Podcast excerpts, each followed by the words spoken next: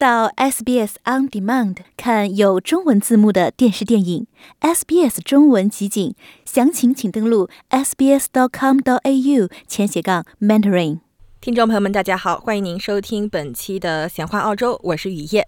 农历新年将至，今年的新年您准备怎么过呢？今天呢，我们还是请到了特约嘉宾 Helen Lewis，同我来一起画新年。那说到新年呢，大家都会想到现在英文的翻译，新年一般是 Lunar New Year，然后也有翻译成 Chinese New Year 以及 Spring Festival 的。这其中有没有一些深意呢？今天呢，我们就请 Helen 来和我们科普一下。除此之外呢，我们也要说一说在西方人眼中有关春节的一些迷思啊，也是非常有意思的一个话题。那我们还是先来和 Helen 打一个招呼。Helen 您好，莹莹你好，听众朋友们大家好。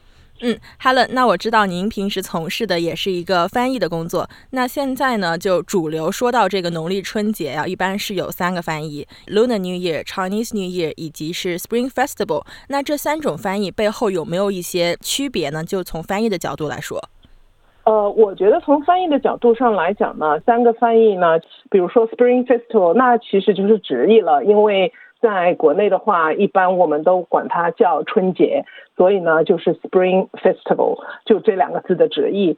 随后呢，Chinese New Year 呢，其实也是直译，就是中国新年嘛。因为本来就是呃，是我们华人每一年最重要的一个节日，所以呢，对我们来讲，我们的新年就是春节这一天。所以呢，就是 Chinese New Year。说到这儿呢，因为我妈有的时候问我，她说：“哎，呃，因为国内我们一般都是春节这一天长一岁嘛。”所以就是有虚岁啊、十岁这种说法，起码就我知道，在上海是这么说的。就是最后呢，就过了新年，那就长了一岁。所以我妈前两天还在问我呢，她说：“哎。”如果是西方的话，那个是按什么来长岁的呢？我说这个不用按呢，就按自己生日就行了。他们就是过生日就是长一岁了呀。所以就是呃，Chinese New Year 呢，我我觉得也是很直白的翻译。那个 Lunar New Year 呢，其实我来这儿来了已经二十多年了。呃，二十多年以来呢，这三种翻译都有。对我来讲呢，那个 Lunar New Year 呢，它是怎么说呢？是属于技术上的翻译，就是让这边的人懂得为什么中国的新年跟西方的，就是在澳洲元旦吧，对吧？呃，为什么跟元旦是不同的一天？因为如果你去问稍微有一点了解的澳洲人的话，他就说，哦，那是 Lunar Calendar，就是因为它是按照阴历，也就是农历。来算的，也就是因为这个道理，他把它翻成 Lunar New Year，就是农历新年的意思。所以呢，三种翻译，我觉得在澳洲是其实是交替着用的。嗯，所以说这个 Lunar New Year 的翻译，它是已经在澳洲存在了很久，不是近几年才刚刚出现的一个翻译的方式，是吗？对对，因为据我所知，就是我自己的记忆中嘛，从我一来开始就有这三种方式，就一开始我就知道有这三种翻译的方法，不同的翻译方法。随后呢，呃，有的朋友就说这个，有的朋友说那个，随后我就想，哎，为什么不一样？其实我来之前呢，我就。知道 Chinese New Year 跟 Spring Festival 那个时候学英文的时候就学到了，但是 Lunar New Year 呢，到这里以后才知道，因为国内学英文的时候，我其实没有学到过 Lunar Calendar 这回事，就是没有不知道农历是怎么说的。后来到这儿，他们说 Lunar New Year，哦，那才知道原来他们是认为，因为这个是农历新年。嗯，所以说 Luna 应该是根据这个月亮它的走势来说的吧？比如说中秋节就是一个满月，可能在西方人眼中是这样一个观点。对对。嗯，那说到这个 Lunar New Year 啊，最近社交媒体上可能也是有很多的辩论，到底是应该翻译成 Lunar New Year 还是翻译成 Chinese New Year？那我知道 Helen 这边也是做了一些研究，就现在社交媒体上大家的观点来看，一般大家都有一些什么样的看法呢？呃，我觉得呢，就是很多华人认为应该是翻译成 Chinese New Year，而且呢，就是。呃，我觉得来这边不太久的呢，觉得好像哎，Lunar New Year 好像这几年冒出来的。但是就刚我们刚才说过的呢，其实呃，Lunar New Year 这个翻译其实很久了。这三个翻译就 Chinese New Year、Spring Festival 跟 Lunar New Year，其实三个翻译是并存的。对澳洲人来讲呢，他们可能三个都知道，或者呢就知道一个两个，但是在他们的心目里。这个节日就是中国人的新年。随后呢，对我来讲呢，就是从我的观察来讲呢，尤其是澳大利亚这一个国家，它是一个非常多元化的国家，所以呢。它在多元化这一个方面呢，一直是在自我进步。我觉得，虽然也不能说澳洲是一个没有种族歧视的国家，我觉得澳洲还是是有很大程度上的种族歧视存在。但是呢，他自己也意识到自己有这一个问题，所以呢，现在不管是表面文章还是怎么回事吧，最起码。他们都是要尽量把所有的不同的团体都包括在内。比如说，现在你电视上看一个广告，如果是一个群体的话，它尽量会有包含有亚洲面孔，呃，有非洲面孔。随后呢，就很明显的，比如说有穆斯林啊，呃，就有不同的宗教信仰。所以呢，我觉得也有一个可能，澳大利亚那么多时间，那么多年来一直用 Lunar New Year 呢，因为。有一些其他地方的移民呢，也会去庆祝这一个新年，所以呢，他就从一个更加技术的角度去翻译，就是为什么叫 Lunar New Year，因为是农历新年。嗯，可能说也是一个比较多元化的翻译吧，相当于来说，因为就像刚才 Helen 说到的，除了我们华人之外呢，还有很多其他种族的人都会庆祝这个农历的新年，比如说韩国呀、日本，每年也会在这个时候有相应的庆祝活动。如果是考虑到这些群体的需求以及他们在澳大利亚的生活的话，把它翻译成 Lunar New Year 也是一个多元化的体现。但是有一个非常有意思的事情啊，就是不知道大家知不知道，澳大利亚的圣诞岛，它是把 Chinese New Year 当做是法定假日的。Helen 对这方面是不是也有一些了解呢？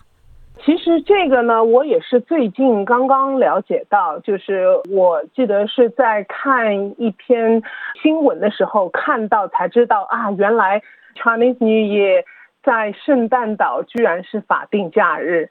所以呢，我就觉得哎，这么奇怪。但是呢，我进行了很多的搜索，但是呢，就是找不到为什么。唯一的一个说法就是一笔带过，就说啊，因为圣诞岛上有很多中国华人移民的后代。所以呢，他们就把中国新年呢，而且他们是这一天国定假期，呃，不是 Spring Festival，也不是叫 Lunar New Year，它就叫 Chinese New Year。嗯，所以呢，它是有两天假期呢，今年是一号也是一天假，二号也是一天假。随后呢，圣诞岛本身。他们其实是真的是我们华人的习惯，它有长达十五天的庆祝活动，嗯，就是因为我们是从初一一直过到正月十五，随后那个正月这一个庆祝就结束了嘛。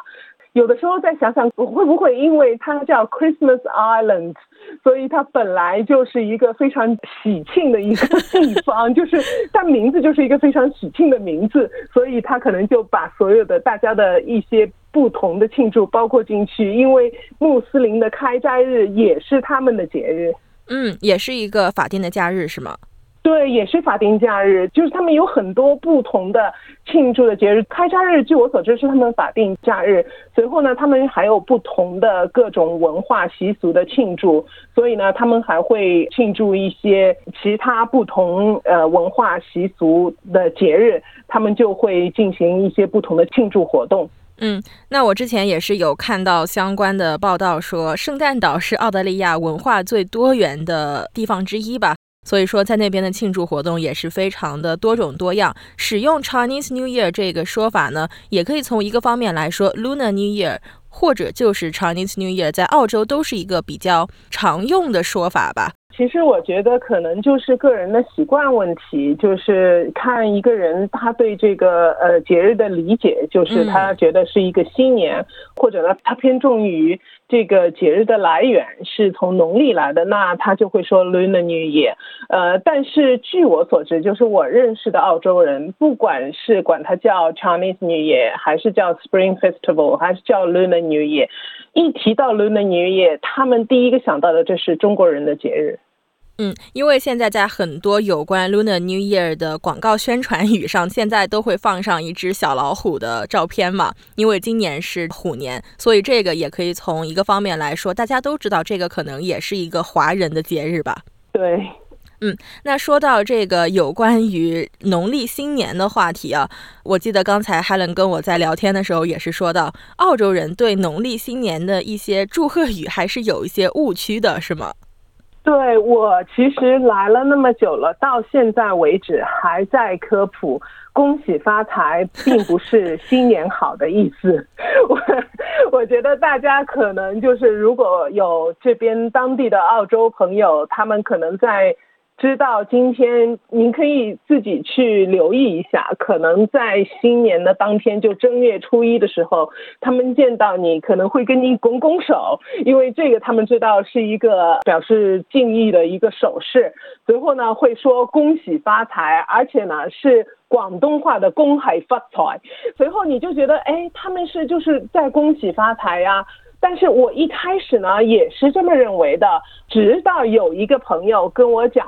我刚才跟你祝贺新年好，我说你没有啊，他说耶我 but I've said 恭喜发财 to you.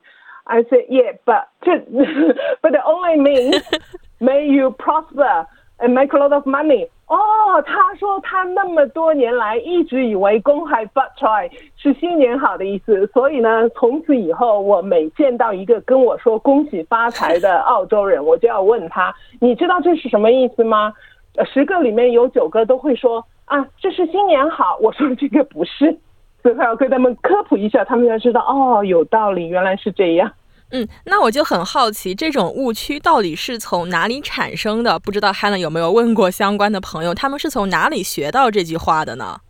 啊，这个呢，我也不是很清楚，但是我知道，因为就像我们之前可能聊过，就是呃，我刚刚来的时候，二十多年前刚刚来的时候呢，中餐就一律基本上是广东菜，就是粤系的，因为最早来这边的移民呢，都是嗯这一个地区的，都是那个时候说下南洋，最后再往世界各地再去扩散嘛，就到了澳洲。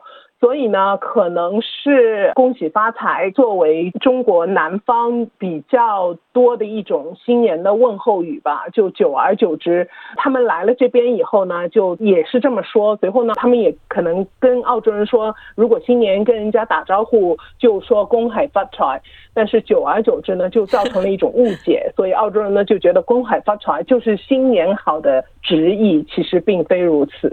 嗯，说到这边，我还想到之前经历过的一件事情啊。我还是去我朋友家玩的时候，他的叔叔就跟我拱手说了一句“公恭喜发财”。我当时还是觉得非常奇怪的。我说这句话虽然说是一个非常中国的表达，但是怎么会有一个长辈来祝小辈，就是新年你要恭喜发财呢？还是就是非常奇怪的一种感觉。那今天从 Helen 这边也是了解到，他可能想和我说的，并不是要祝你新年发财，而是要祝。你新年好吧，然后再说到现在，比如说墨尔本的唐人街，如果大家去抬头观察一下的话，它是有一个恭喜发财的标语的，然后旁边的英文翻译呢，居然是 Happy New Year，这个可能也就不难发现，可能澳洲人这个误区是从哪里来的了。对对，是这样。嗯，那 Helen 现在还有听到朋友就是新年的时候说这句话吗？还有，其实很多人就是仍然这么说，因为。新年好这一句话呢，就是很少有澳洲人知道，所以呢，很多人还是说恭喜发财。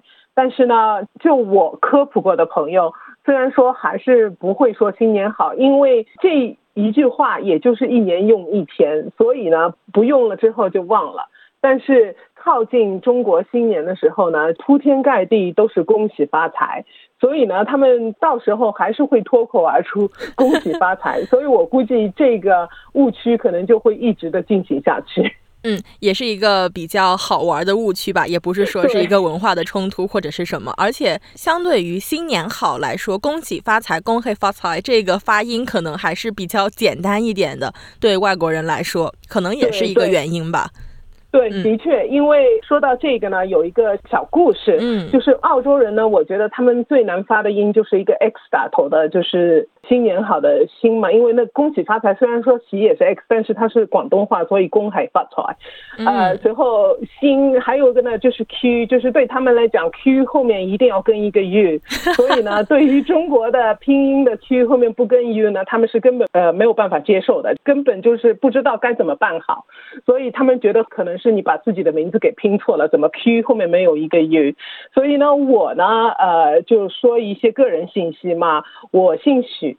所以呢，我为什么要把我的名字就是改了夫姓呢？因为我实在是不想一直听到别人称我为 Miss Zoo，我不想做动物园的管理员，所以。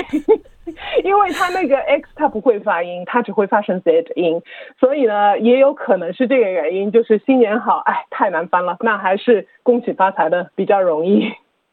对，可能有的时候让啊、呃西方人，特别是澳洲人来发这个音还是比较困难的。我是有朋友，他们已经是学了很久的中文了，有的时候发这个音的时候还是会挣扎一下，就是需要去把这个发音部位调整一下呀，或者是去认真的想要怎么发音，不是那种脱口而出就能说出来的话，还是可能也是一个背后的原因吧。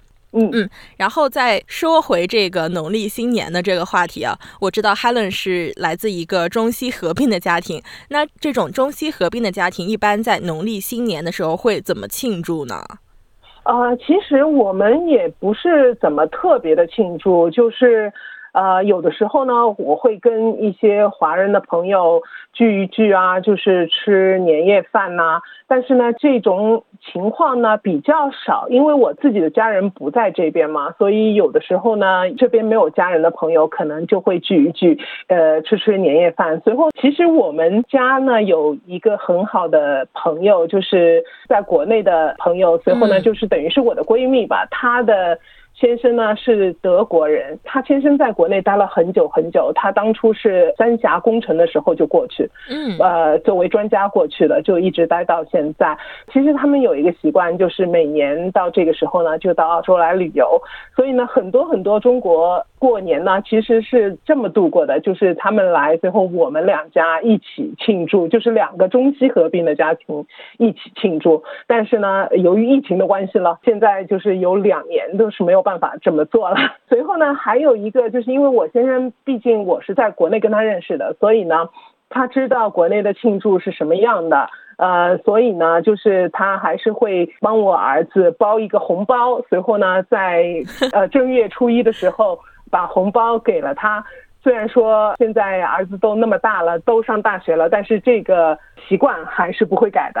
嗯，就这个新年来说，可能说二十年前的新年吧，跟现在二十年后的新年来比，有没有一些传承，或者是已经变得很多了呢？就是完全看不出二十多年前庆祝的影子了呢？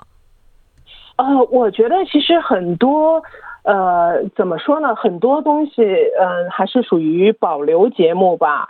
而且，呃，我不知道雨夜，呃，你有没有看到，就是舞狮舞龙？我觉得很多时候，他那个舞狮舞龙的团队里面，就是等到庆祝完之后，随后他们把那个狮头一摘掉，随后那个呃舞龙舞狮的团队一看，哎，居然有一些是澳洲土生土长的孩子。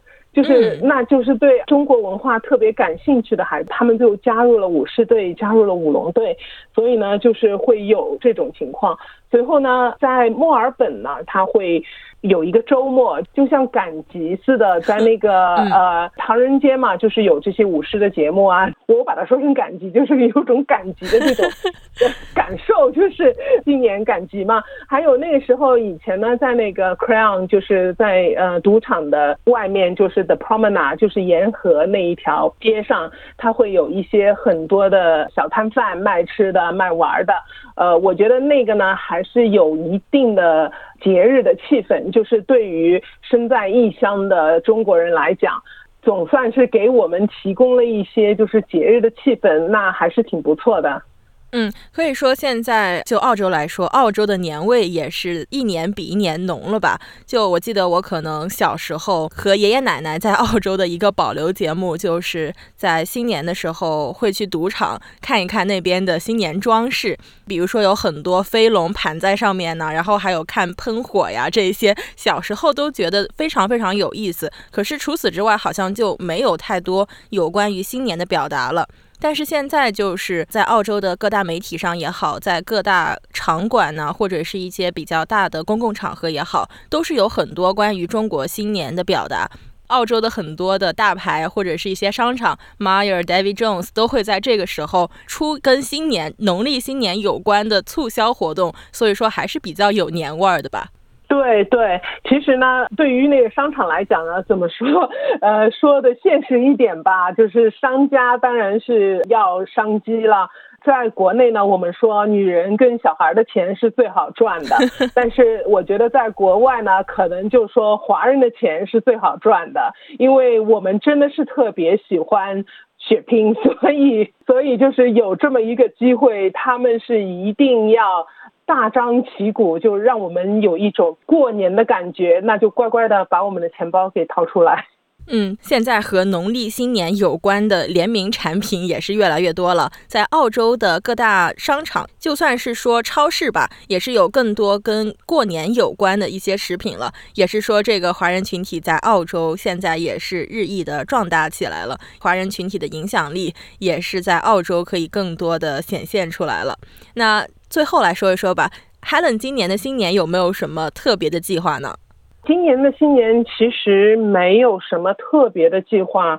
以前呢，一直说，哎，就是我刚才说到的那个墨尔本，它呃市政府，他们经常会呃。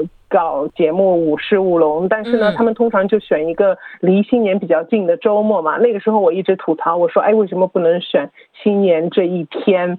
这个周末对我们来讲其实是没有意义，就是任何选一个临近的周末是没有意义的。但是呢，呃，今年我自己也要做这个事了，我就是跟朋友们大家在那个 呃新年过后的第一个周末聚一聚而已。嗯，可能还是因为疫情的关系吧。啊，我记得就在没有疫情之前，每年的春节我还是都会回家过的。可是就是在二零二零年那个春节还是非常难忘的，因为过完春节后不久，航班就熔断了。当时回到澳洲，还是经历了十四天的隔离，还是一个非常难忘的经历吧。然后到现在也是有差不多两三年的时间没有回到国内和父母一起过年了，也是希望今年或者是明年的疫情能够好转一些，能够让我们这些在海外的华人尽快的回到祖籍国去和亲人们团聚吧。嗯，是我也是如此。其实呢，怎么说我回国过春节。已经很久很久以前的事了。呃，其实我回国是经常回国的，呃，最起码一年要回一两次。